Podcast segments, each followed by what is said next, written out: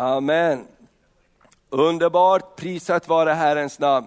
Visst är det härligt att vakna när det är sommar. Det går så mycket lättare allting, det är ljust, det är varmt, det är härligt. Och eh, prisat vare Herrens namn, Gud är god.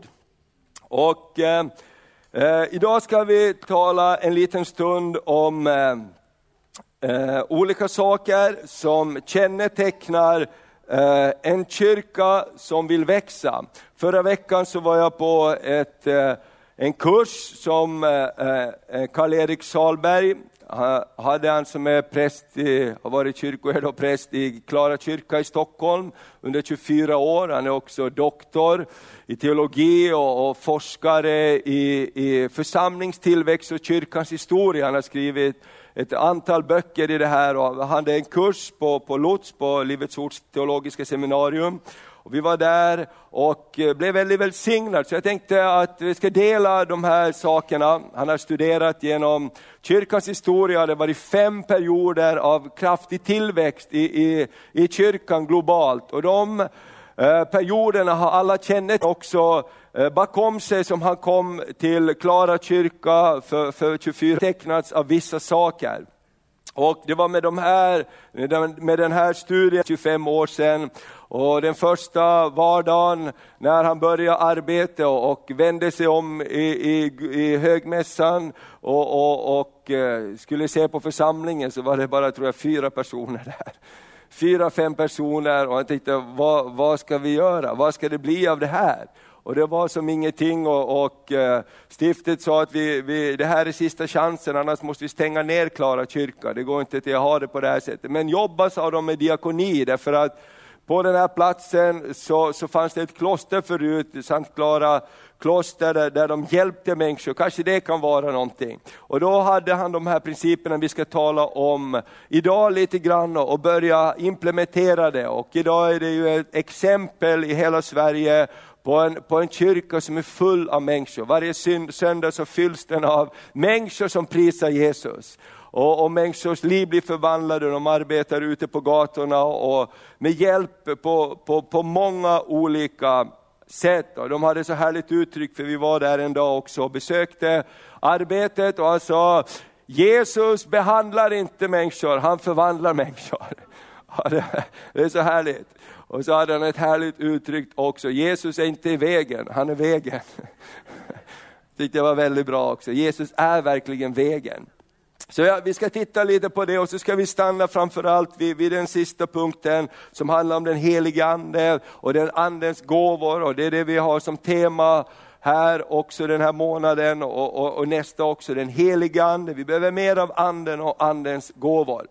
Så det första som kännetecknar en kyrka som växer, det är att den är öppen för alla. Det är en kyrka som är öppen för alla och det var det här som kännetecknade också den första församlingen.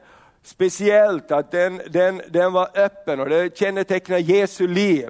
Jesus säger så här i Johannes 1 och 12, alla som kom till honom, och men åt alla den som kom till honom gav han rätten att bli Guds barn. Han gjorde ingen åtskillnad mellan personer, han gjorde inte åtskillnad mellan rik och fattig, hög eller låg. Alla som kom till honom. Och det här fortsatte i den första församlingen, folk kom från alla uh, håll och kanter. och uh, Eh, Eh, Petrus säger i Apostlagärningarna 10, när anden föll över hedningarna, för här i kapitel 10 det är första gången den heliga ande kommer till dem också som är utanför den judiska messianska församlingen, utan nu börjar heliga ande falla på alla som hungrar. Och då säger Petrus de här orden, nu vet jag i sanning att Gud inte gör åtskillnad på någon, utan alla som kommer. Och det är så härligt i Guds församling, så är det inte olika titlar i första hand, utan det är broder och syster.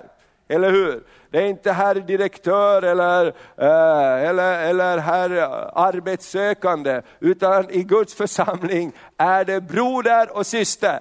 Och det, jag, tycker, jag tror det finns ingen annanstans så härligt där man kan vara tillsammans hög och låg ur olika samhällsskikt och vad, vad man än har för bakgrund eller vad det är, så kan man vara tillsammans. Halleluja, för man är bröder och systrar och man är alla otroligt i behov av en och samma sak. Vi är alla i behov av korset, vi är alla i behov av Jesus. Amen, han som kan förvandla våra liv. Och, och, så det är en kyrka som är öppen för alla. Och det var också som han sa, det första han gjorde, det var att han öppnade kyrkans dörrar. För han sa, de flesta kyrkor de är stängda hela veckan och så de öppnar bara några timmar per dag. Och en stark signal till omvärlden, det är att ha kyrkans dörr öppen. Och det är fantastiskt att se också i den kyrkan hur folk kommer in och ut hela tiden och, och bara sitter där och det pågår olika saker. Så han sa att det effektivaste sättet för att hindra församlingen att växa till, det är att stänga dörren och bara öppna den en liten stund på söndag. Utan en öppen kyrka med en, en attityd, alla är välkomna. Visst är det bra? Halleluja, oberoende var vi kommer ifrån, vilken bakgrund vi har, vilken etnicitet vi har. I församlingen är alla välkomna. Amen, och det ska vi verkligen slå vakt om. Och därför är det så härligt med alla människor som kommer från olika länder också in här till Örnsköldsvik och till församlingen. Ni är speciellt jättevälkomna. Amen. Här får alla vara med, till och med en finsk pastor. Så det är, liksom, det är öppet. Det andra, Eh, en församling som växer, bryr sig om människor i nöd. Diakoni, andligt, själsligt och kroppsligt vill också hjälpa människor. Och, och, eh, här har vi flera olika bibelord. I Jakob 2, 14-17 så står det att om du ser din broder eller syster lida nöd och du säger till den, Eh, Gud välsigne dig, ät dig mätt och klä dig varmt och, och, och, man gör ingenting själv och bara säger Gud ska hjälpa dig, så går man därifrån. Då säger Bibeln att då är inte vår gudstjänst någonting värd. Utan en gudstjänst som är värd någonting inför himlen, det är att vi hjälper varandra, hjälper den som lider nöd, kläder den som är naken och föder den som är hungrig. Och på olika sätt verkligen sträcker oss ut. Apostlagärningarna så ser vi att direkt i den första församlingen så var det här någonting väldigt aktuellt. För att i Apostlagärningarna 6 så står det om att apostlarna sa, det här går inte längre nu, för att nu så har vi så mycket att göra, för att vi är också engagerade i den dagliga utdelningen till de som behövde mat. Alltså det var direkt i den första församlingen, vi måste ta hand om de som inte har mat. Så apostlarna var med och delade ut mackor och hällde upp soppa och vad de höll på med och springa och köpa mjölk och grejer. Du vet allt som ska göra. Det är lätt att säga att nu ska vi ha servering, men det måste vara någonting att servera också. Och så vidare, och någon ska skära upp mackorna och så vidare. Och de sa, det här funkar inte, vi måste koncentrera oss på vård, så andra kan gå in och koncentrera sig på, på sitt. Och då så står det att de avskilde människor och la händerna på dem som skulle vara med och betjäna vid bordet jorden. Och eh, ett annat bibelställe, Matteus 25, så, så är väldigt känt bibelställe och väldigt allvarligt, där Jesus säger, allt vad ni har gjort mot en av dessa mina minsta, det har ni gjort mot mig.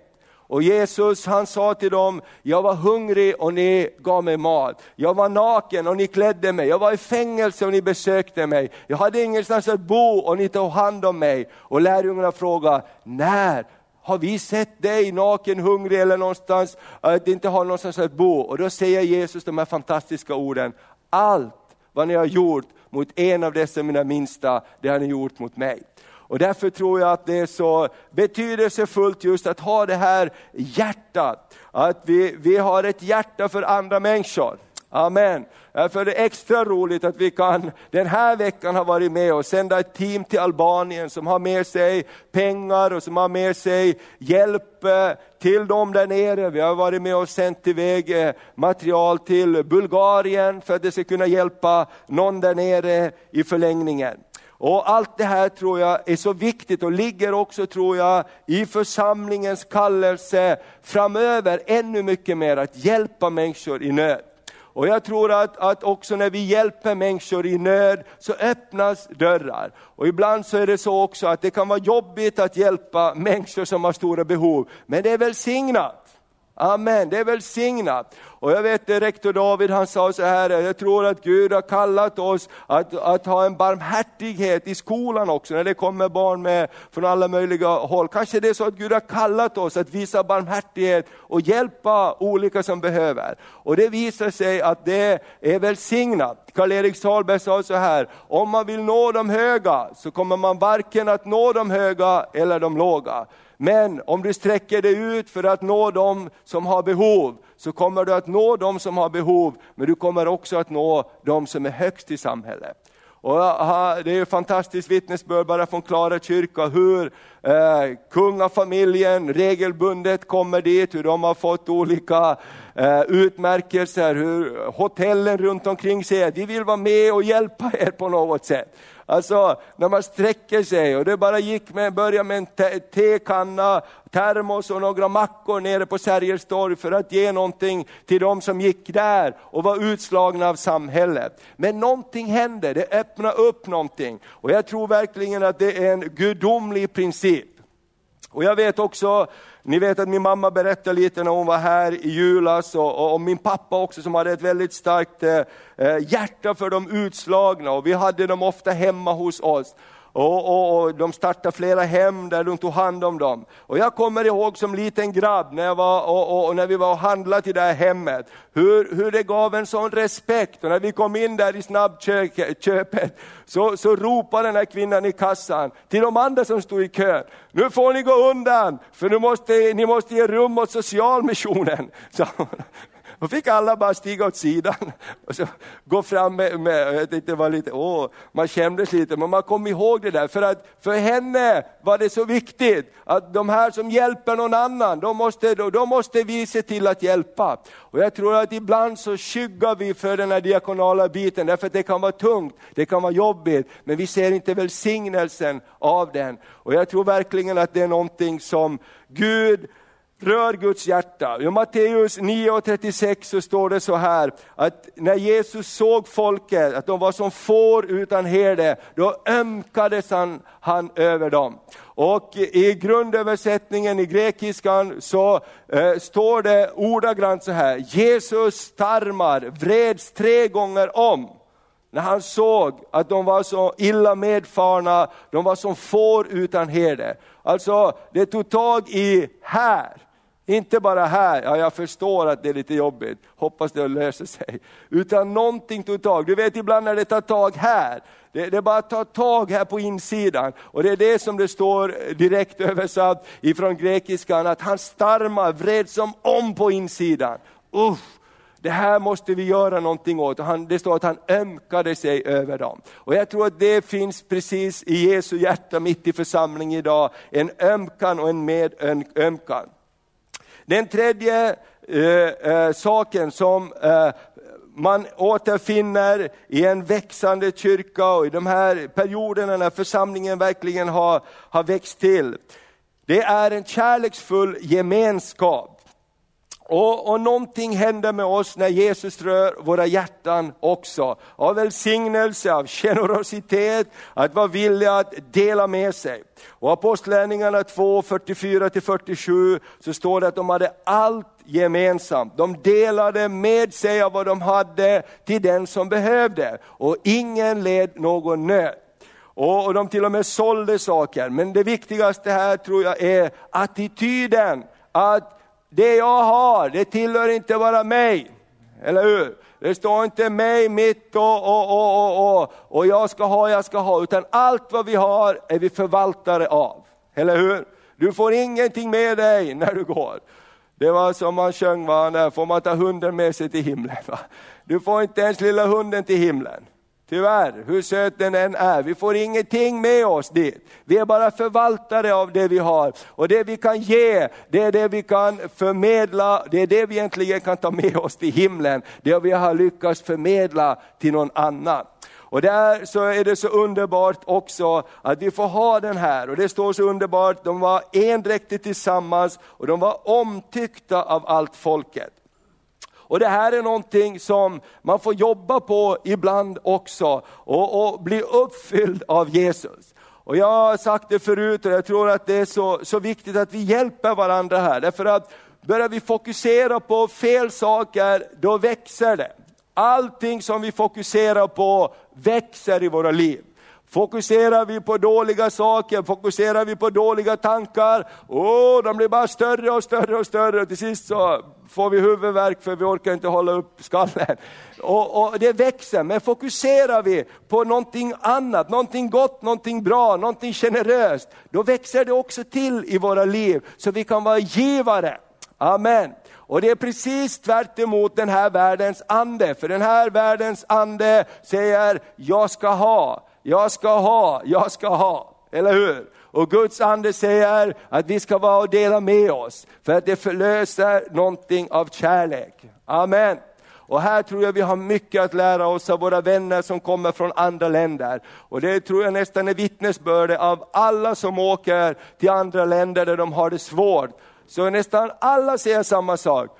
Men vi förstår inte hur de kan vara så glada. Eller hur? Vi förstår inte hur de kan vara så glada. För de har ju så jobbigt och vi har allting och ibland har vi inte den där kärleksfulla gemenskapen.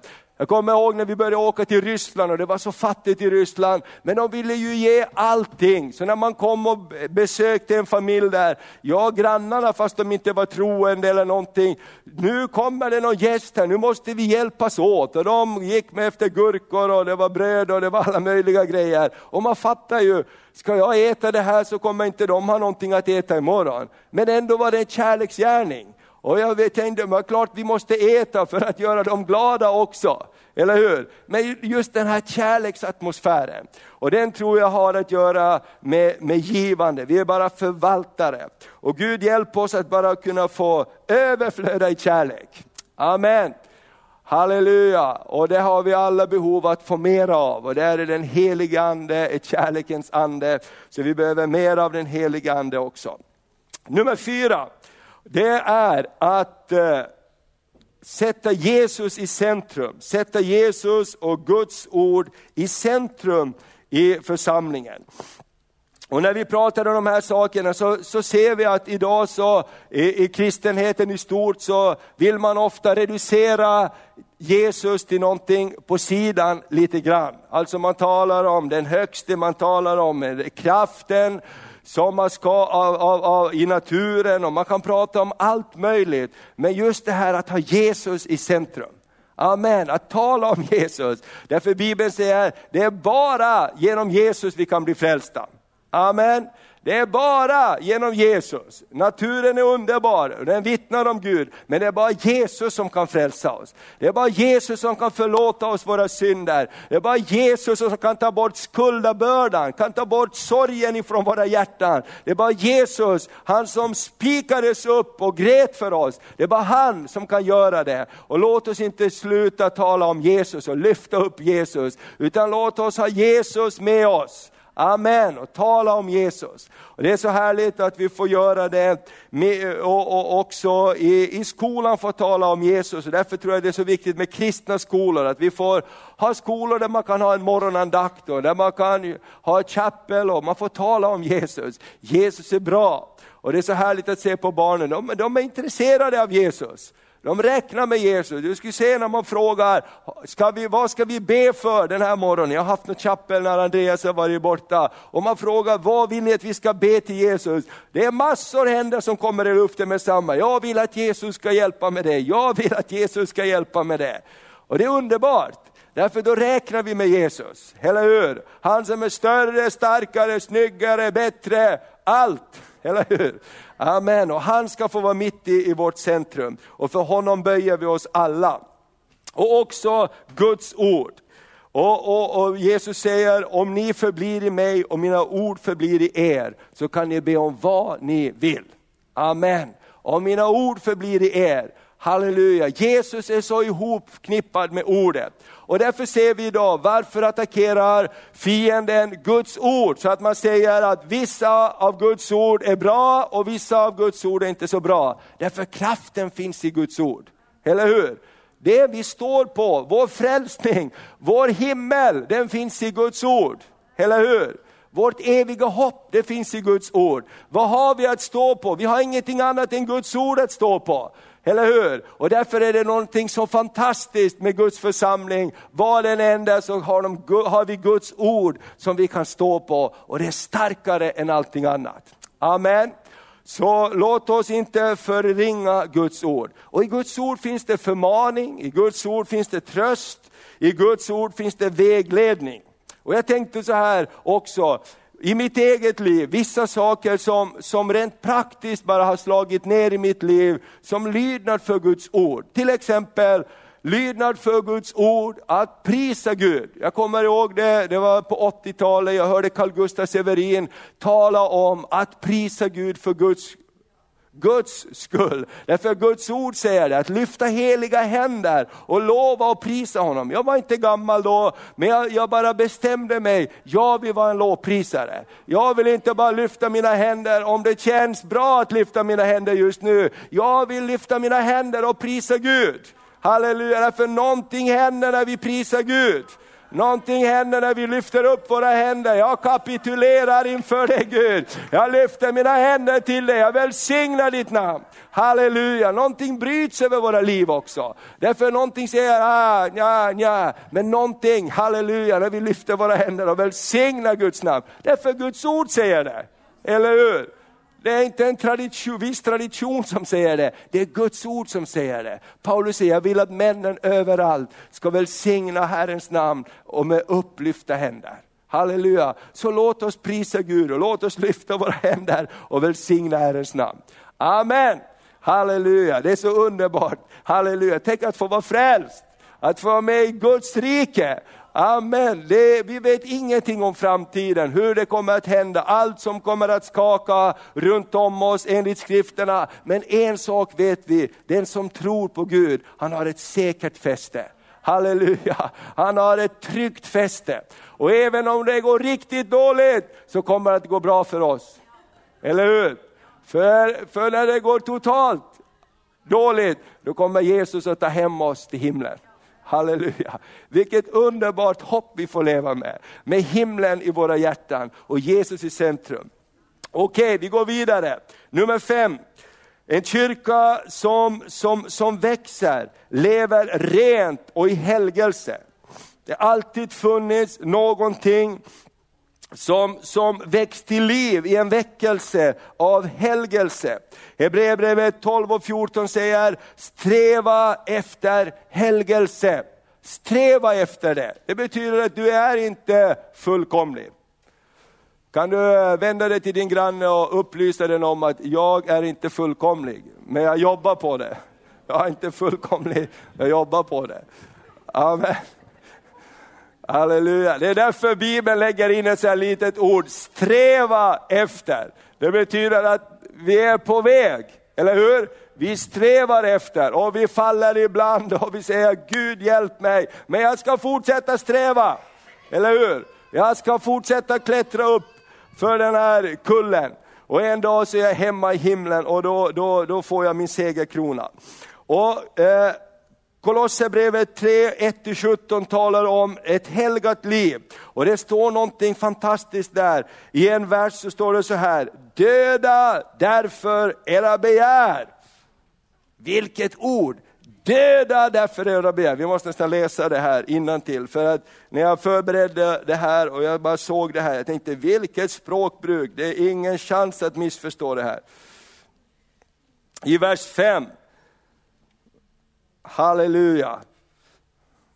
Det, då står det så här, i vers 5 i Kolosserbrevet 3.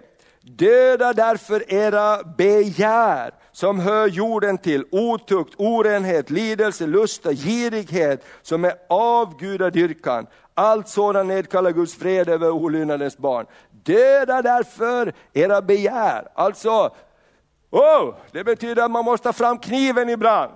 Eller hur? Är det någon band som binder en så måste man ta fram stora, den där tången som man klipper av grejer med.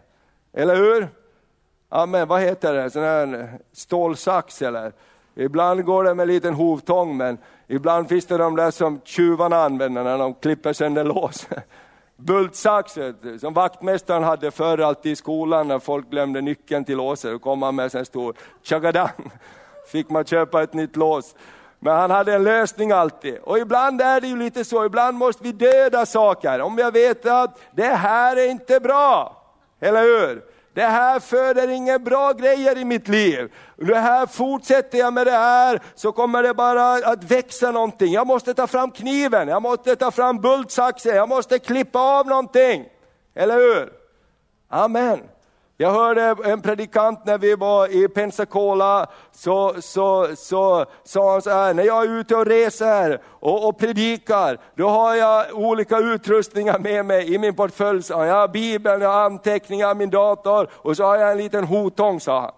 Och när jag kommer in på hotellrummet, det första jag gör, då klipper jag av antennen till tvn, sa han. Därför att den är, föder någonting, den, den, den, kan ta min uppmärksamhet och börja föda någonting in i mitt liv som inte är bra.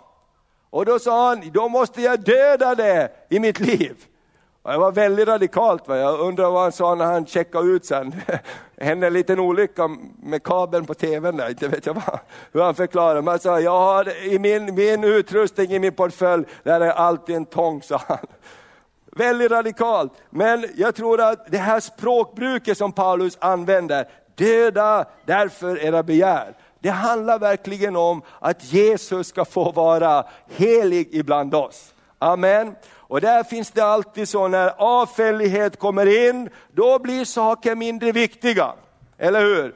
ah, då blir det lite det här och lite det här och lite det här. Och du vet, de gör ju så också, de gör ju så också. Gud förstår ju allting i alla fall. Vi är bara människor. Det går alltid att göra en deal med Gud, med Gud så länge man är själv. Sen om man frågar någon annan, vad tror du om det här? Då kan det bli problem. Eller hur? Men så länge jag bara säger, ja men Gud förstår det här och Gud förstår det här. Så helighet, helgelse, det är någonting som, som drar oss närmare Jesus. Amen. Och när, när, när, vi har det sinnelaget, då kommer också en längtan efter Jesus att växa till. En närvaro av den heliga Ande, att växa till i våra liv, i vår församling. Och vi tänker så här, Gud, jag vill lägga undan det som ligger i vägen. När jag löper mitt lopp så vill jag lägga undan det som hindrar mig att löpa framåt. Halleluja, det finns den delen i en kyrka som vill se Jesus växa till. Jag är beredd att lägga undan saker som kan bli mig till last. Amen. Okej, okay. det sjätte är våga lida för sin övertygelse.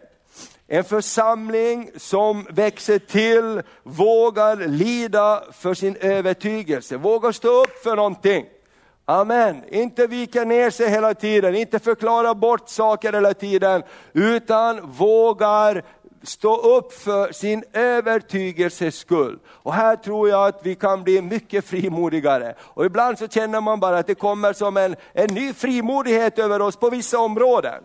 Jag var så glad också när vi var på, jag sa det tidigare, på, på Kristna friskolerådets årsmöte. Och jag kände bara att en ny frimodighet hade kommit över rektorerna och skolledarna att stå upp för saker. Då lider vi hellre. Och Skolverket har fått backa minst på tre eller fyra olika gånger. Konkret har de tagit tillbaka saker de har hotat med när det gäller den kristna profilen. Därför man har sagt, vi tänker inte lägga av med det här. Vi tänker inte lägga av med det. Vi tror att det är okej okay att be en bordsbön med barnen. Ja, vi tror att det är okej okay att sjunga en sång. Vi tror att det är okej okay att citera en bibelvers.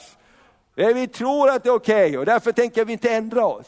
Och då, bom, bom, bom. Men det finns hela tiden det här i det sekulära Sverige, att lägga sig för någonting. Men låt oss stå upp för vår övertygelse. Det står så här i bergspredikan, saliga är ni när man förföljer er för min skull, säger Jesus. Saliga är ni. Det kommer en salighet. Och det var ju det här som var det stora mysteriet i, i kyrk, urkyrkan och den första kyrkan. För att desto fler man slängde till lejonen, desto fler blev de. Tänk, alltså, jag, jag, bara, jag bara kan fantisera hur det var om man gör en inbjudan. Välkommen du som vill ta emot Jesus idag. Ditt liv kan bli förvandlat. Du kan bli uppäten av ett lejon imorgon. Hur många vill komma fram och ta emot Jesus? Alltså i den miljön så växte kyrkan så kraftigt under de 300 första åren att till sist så gav eh, eh, eh, statsmakten, romarriket upp. De sa, nu har vi matat så många lejon, men det blir bara fler. Nu har vi förföljt dem, vi har dödat dem. De flesta av Jesu lärjungar blev martyrer själv. Men vad hände? Det var bara fler som gick med budskapet. Alltså det finns någonting där och jag säger så här, är inte vi radikala för Jesus och vågar stå upp för vår övertygelse, då kommer det att komma in andra dåliga saker. Till exempel för ungdomar vill ha någonting att stå upp för. Och så kommer någon som har några galna idéer som man tänker, hur kan någon tro på det? Ja, men det finns en radikalitet och en övertygelse och folk säger ja till det. Och därför tror jag att det också är en attack ifrån fienden när församlingen inte vågar stå för olika saker. Och då blir det bara kom si, kom sa, kom så. Och det blir så runt. Men Jesus, han är bra. Halleluja, på alla livets områden. Amen. Okej, okay. eh, och eh, då, den sjunde punkten är så här. En församling som vill växa söker Gud i bön, är en bedjande församling. Och här, här är det verkligen så att, att eh, man kan till och med utlösa ett stort pris om någon lyckas hitta en församling som har haft kraftig tillväxt på jorden utan att det har varit kopplat samman med, med mycket bön. Det, det, går nästan att utlysa ett pris på 100 000 kronor till den som vågar, som kan hitta en församling som har haft kraftig tillväxt utan att ha också involverat ett kraftigt böneliv. Därför det är hela tiden ihopkopplat. Det står i, i Apostlagärningarna 2.42, en av huvudpelarna i församlingen var, de höll troget fast vid bönen. Det var vid ordet, vid brödsbrytelsen, vid gemenskapen och vid bönerna. De höll troget fast. Amen. När behöver man hålla fast vid någonting också? Ibland när det skakar så måste man ha någonting stadigt att hålla fast vid. Bönen är en sån stadig bro att hålla fast vid.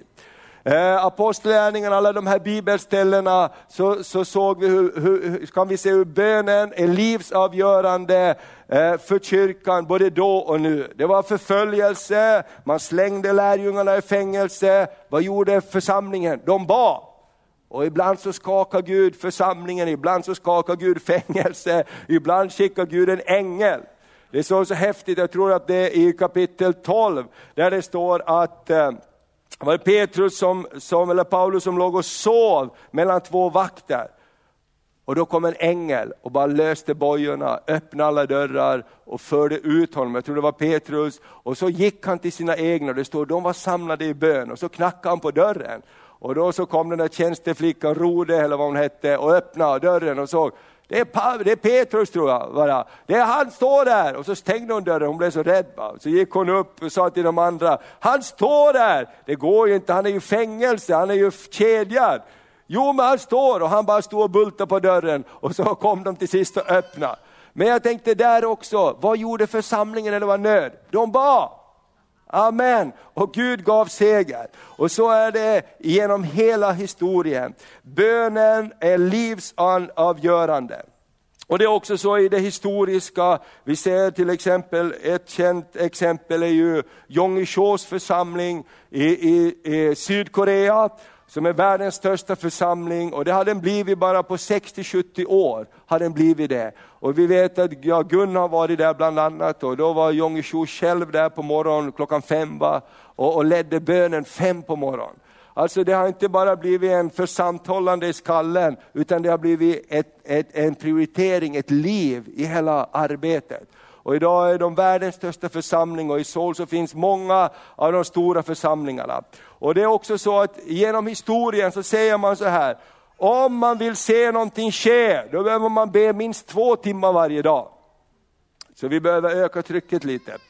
Vi ber på morgonen här och ibland, men jag tänker så här, han var så härligt, han eh, berättade så här Karl-Erik Salberg, när han började där och då började de och så började de be och, och han började säga, vi måste be, så de började be varje dag och de var, han sa, var vi många var vi fyra så, så hade de hört en tidning, Svenska Dagbladet, om, om bönerörelse. Det behövs inte så mycket i Svenska kyrkan och så ville de komma till Karl-Erik Salberg och så ville de, men vad ska, vad ska vi visa, så vi är ju bara några stycken. Tänkte, ja men frun hon får ta tjänstledigt och så ringde de in lite olika så de blev lite flera där på den bönesamlingen. Men så började de be kontinuerligt och så kom det en faktiskt från Sydkorea på sån här praktikant som skulle hjälpa till, volontär. Och då så var, de är ju väldigt så här, asiaterna kan vara väldigt precis så här. Och så efter någon dag så sa hon, doktor Salberg, jag ser att det saknas någonting här. Ja, vadå, vadå? Det är för lite bön här, sa hon. Vi måste be minst två timmar varje dag. Det gör vi i Seoul, därför händer det saker. Okej, okej, okej. vi kan börja nästa vecka. Nej, sa hon, imorgon börjar vi. Ja men vadå, tänkte jag, vi håller ju på med massa grejer här. Imorgon börjar vi. Hon var så övertygande. Då satt de igång, så bad de, bad de en timme på morgonen, på morgonbönen. Och så satt de in en timme på eftermiddagen när de bad också. Vi var med på den här bönen nu. Det var, det var inte jättemånga som kommer, det kanske var 20 pers, 15-20 pers som kommer varje dag och droppar in och ber till Gud och sjunger och prisar Gud och ber. Och någonting har ju hänt uppenbarligen. Någonting har hänt. Och jag tänkte på det här, kyrkofäderna sa det också på samma sätt. Och jag tror att Gud lägger den här längtan i oss. För det finns ingen gräns på vad Gud kan göra, eller hur? Det finns gräns på vad vi kan göra, men inte på vad Gud kan göra. Därför blir jag så uppmuntrad av de här punkterna. Jag hoppas du också blir uppmuntrad. Den åttonde punkten är att använda lekman, lekmän, det troendes tjänst. Och det står så här i, Luka, i Apostlagärningarna 4 och 13, att lärjungarna var vanliga människor som hade varit med Jesus. För när, när, när de här blev tillfångatagna så undrade de, hur kan det komma sig att, eh, eh ska vi ändra bild här, hur kan det komma sig att de som eh, eh predikar så här frimodigt, de är ju bara vanliga människor, de är fiskare, de är alla möjliga, men de, de har en sån auktoritet när de talar och de gör under. Och, och så står det så här så häftigt, när de kom på att de har ju varit med Jesus. Och Jag tycker det finns något underbart där. Vanliga människor som har varit med Jesus. Det står i Apostlagärningarna 6 hur diakonet, diakonerna som skulle tjäna, de var vanliga människor från folket som de utvalde. Apostlagärningarna 7 säger att eh, i förföljelsen, när de blev fördrivna, så gick de omkring och predikade överallt. Och det står att Filippus kom till Samaria och det blev stor glädje i den staden. Det var vanliga människor. Och vi har eh, Korinthierbrevet som säger om gåvorna, var och en kan vara med och bidra. Alla har någonting att ge. Amen. Och Romarbrevet 12, olika gåvor att tjäna med. Uppmuntra, andra kan korrigera, andra kan dela ut gåvor, andra kan vara med och, och, och bistå på olika sätt. Alla kan vara med och göra någonting. Och Det här tror jag att det är också en stor nyckel. Tänk bara på det också i en vanlig församling så här. Hur mycket görs av så många människor som inte är anställda eller utbildade teologiskt, utan församlingen fungerar därför att det är många som är med och tjänar. Och det är också en nyckel, att vanliga människor får vara med och betjäna.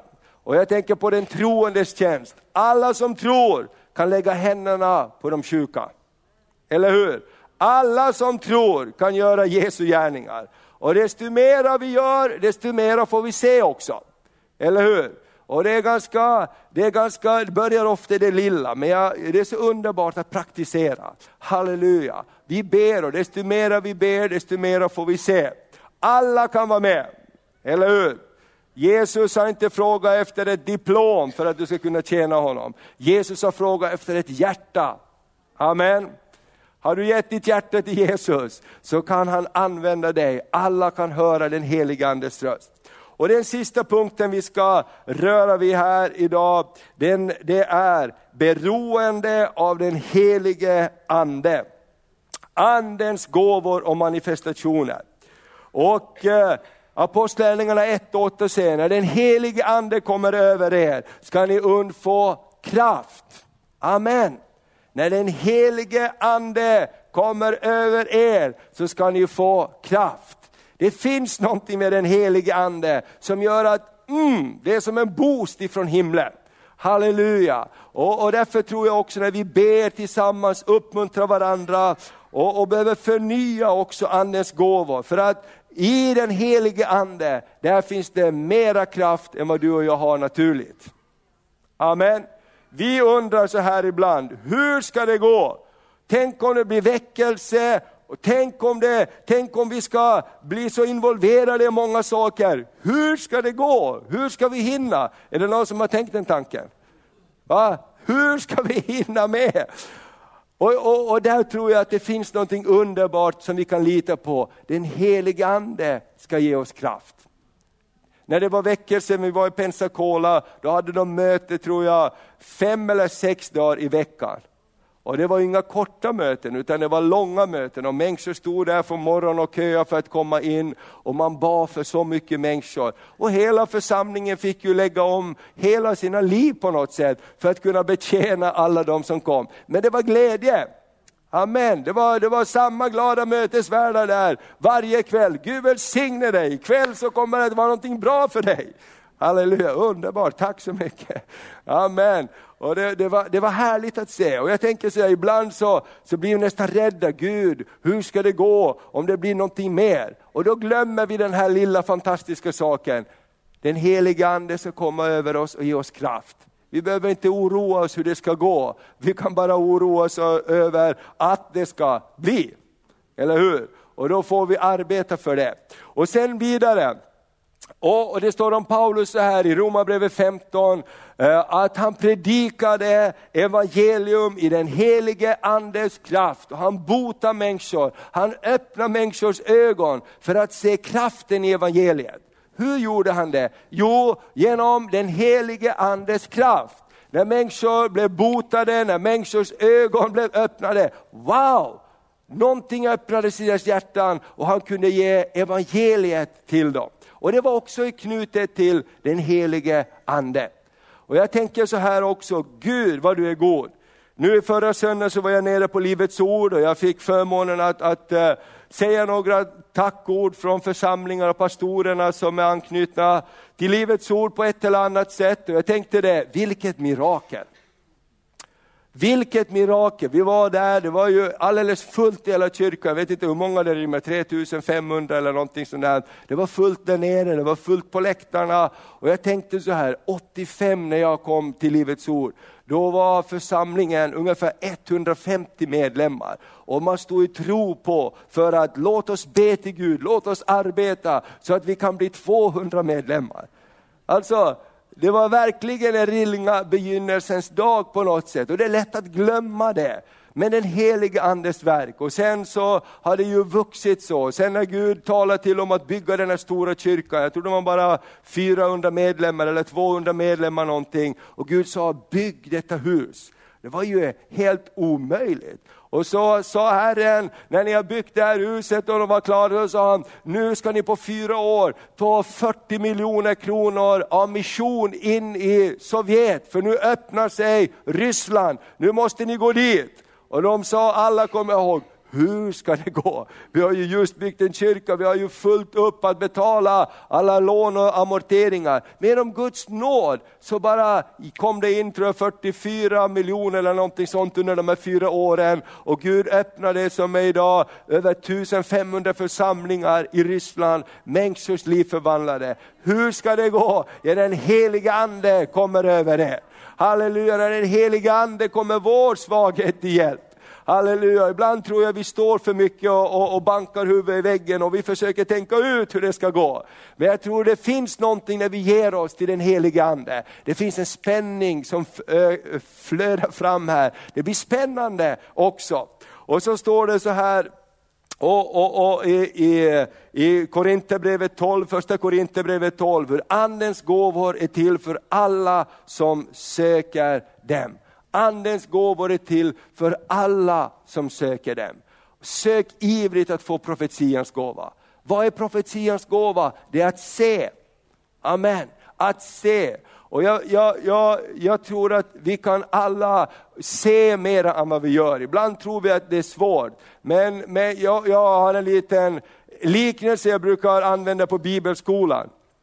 Bibelskolan när jag undervisar också om det här, för ibland tror man, men hur ska jag kunna se, hur ska jag kunna se en bild ifrån himlen? Det är inte så svårt. Ska vi göra en liten test? Först vill jag fråga, hur många tror att Gud är mera fantastisk än pastor Thomas? Hur många tror att Gud är mera fantastisk? Okej, okay, då är vi alla överens om det. Om du bara blundar just nu, och så säger jag så här, banan. Hur många kan se en banan framför sig? Bra. Om jag säger så här, skala bananen. Hur kan du, kan du se det framför dig? Du öppnar bananskalen och framträder denna banan där. Och så tar du en tugga av bananen. Amen. Hur många kunde se den här bilden? Bra. Hur och alla var vi överens om att Gud är bättre än pastor Thomas. Han kan, alltså det är så det fungerar, Gud ah, verkar genom våra, vårt sinne.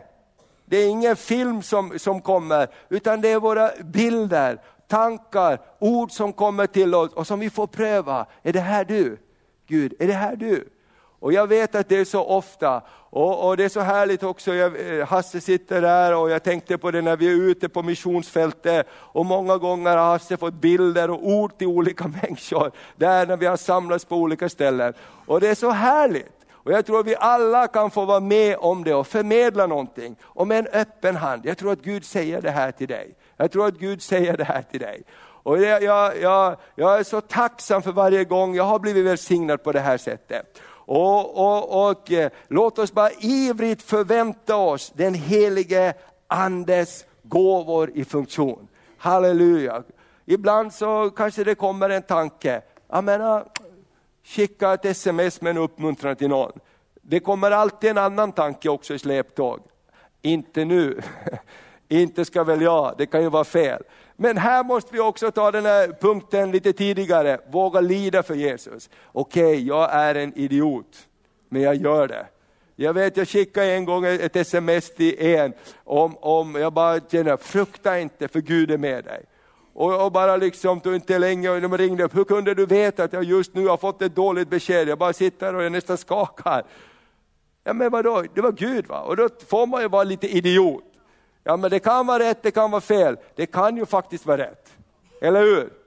Amen. Och det här tror jag också att man måste våga ta det här steget. Och sen så står det så här, så underbart i Johannes 14, att den helige Ande tar av det som finns i himlen. Vi kan läsa det till slut. Ska vi avsluta där. Johannes 14. Johannes 14 och 26. Halleluja. Amen. Det är så Härligt, alla kan vara med i Guds rike. Det är ingen åtskillnad mellan person, alla har samma möjlighet. Och då står det så här i Johannes 14 och eh, vers 26, så står det. Med hjälparen den helige ande, som Fadern ska sända i mitt namn, han ska lära er och påminna er om allt vad jag har sagt er. Min frid lämnar jag åt er, min frid ger jag er, inte ger jag en sådan frid som världen ger. Låt inte era hjärtan oroas och var inte modlösa. Den helige Ande kommer också med frid. Och så står det så här i kapitel 16 och från vers 13. Men när han kommer, sanningens ande, då ska han föra er in i hela sanningen. För han ska inte tala av sig själv, utan allt det han hör ska han tala och han ska förkunna för er vad som kommer att ske. Han ska förhärliga mig, ty det är Ty av, det, eh, ty av det som är mitt ska han ta och förkunna för er. Allt vad Fadern har är mitt. Därför sa jag att han ska ta av det som är mitt och förkunna för er. Så den helige Ande är med oss här på jorden. Jesus sitter på Faderns högra sida. Förra söndagen eller två söndagar sen så pratade vi om att den helige Ande är som en hiss. Den heligande hissen som går upp i himlen och så tar han det som finns i himlen och så kommer han ner i våra hjärtan. Halleluja, så viskar han. Halleluja, jag är med dig, jag älskar dig, jag ska inte överge dig, jag ska inte lämna dig. Jag ska göra en väg för dig mitt i ödemarken. Halleluja, han kan viska ord i ditt öra, kanske en hälsning du ska ge till någon annan. Helige Ande, ta av det som finns i himlen och ge till oss. Så därför en församling som vill växa, så är alltid beroende av den helige Ande. Vad den helige Ande kan göra. Den helige Ande, är, det, han, han är vår hemliga agent. Han är vår hemliga agent. Halleluja. Amen. Han vet vad som komma skall. Halleluja. Ibland så kan man inte riktigt sätta ord på det, men man kan ha en känsla här på insidan. Och där kan man lära sig också hur, vad, vad, vad det betyder. Men han är hjälparen. Vem behöver hjälp? Ja, vi behöver hjälp. Den som inte kan allt själv behöver hjälp, eller hur? Och den som säger kan själv, de har vi alla mött, eller hur? De som är så här höga, stora, de säger kan själv.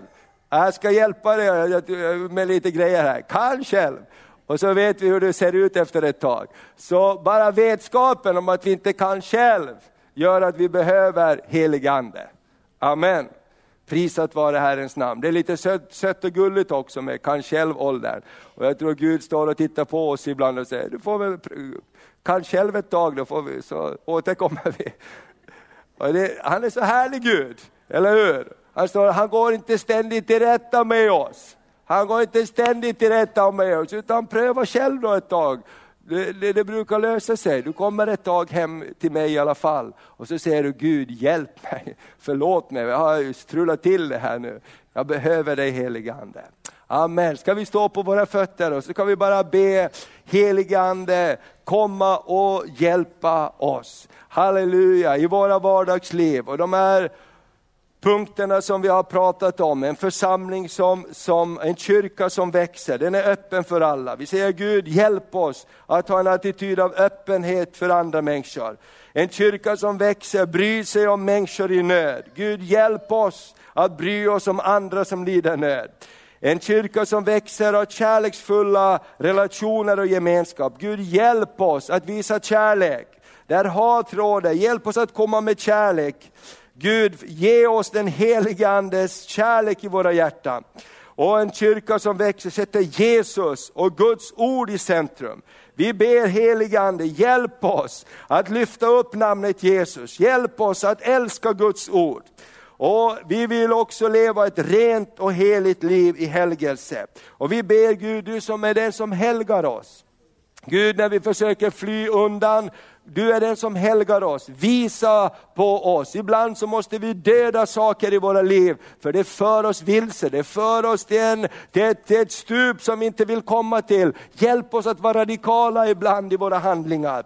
Gud, vi ber också för att du ska ge oss mod att lida för, våra, för övertygelsen som vi har. Lida för vår tro om det behövs. Vi ber om modet att inte vika oss jämt, utan stå upp för sanningen. Jesus, jag ber, ber dig. Ber Herre också om bönens ande över våra liv, så att vi kan vara en bedjande församling, bedjande kristna, som eh, stormar himlen och får tag på det Gud har. Ber också Fader om, om att vi ska få bli använda, lekmännen, den troendes tjänst. Att inte vi bara behöver vara, vara, ta emot, utan alla får vara som det här hjärtat Kristoffer visade, in och utflöde, in och utflöde. Tack Gud att alla har någonting som någon annan behöver. Och vi bara ber till sist om den helige Andes hjälp. Andens gåvor och manifestationer ska bli synliga i våra liv. Vi ber om det Gud, i Jesu namn.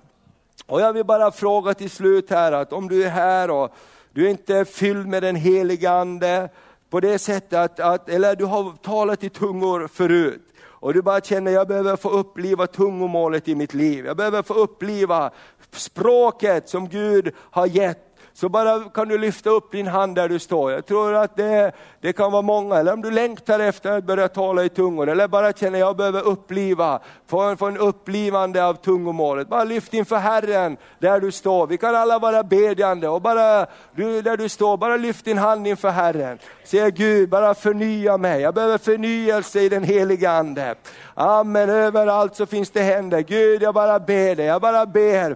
Gud, jag bara ber, halleluja, en förnyelse. Om det är bara så att det har kört fast och man känner att jag bara håller på med samma saker. Jag ber den här söndag förmiddagen om en förlösning Gud, av din kraft, av dina gåvor och av ett nytt språk Herre som ska börja bubbla upp och bubbla fram i våra hjärtan Herre. De som lyssnar på radion, kanske det är någon där just nu som längtar efter ett vidrörande av den heliga Ande, känner sig så torr, känner sig, åh, att mitt liv bara, det är bara som ett sandpapper. Gud kom och skölj över var och en just nu med den heliga Andes olja och eld och glädje. Fader vi bara prisar dig för det i Jesu Kristi namn. Jag bara tackar dig Herre, bara tackar dig Herre. Åh, jag bara prisar dig, vi bara lovar dig för liv och läkedom i den heliga Ande.